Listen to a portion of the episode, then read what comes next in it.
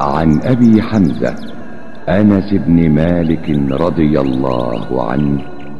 خادم رسول الله صلى الله عليه وسلم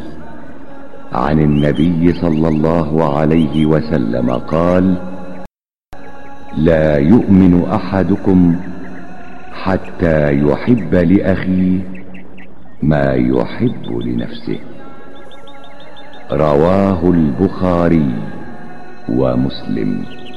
Od Ebu Hamze Enesa ibn Malika radijallahu anhu služitelja Allahova poslanika sallallahu alihi wasallam prenosi se da je vjerovjesnik sallallahu alihi wasallam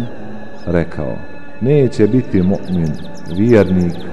niko od vas dok ne bude volio svom bratu ono što voli i sebi hadis bilježe Buhari i Muslim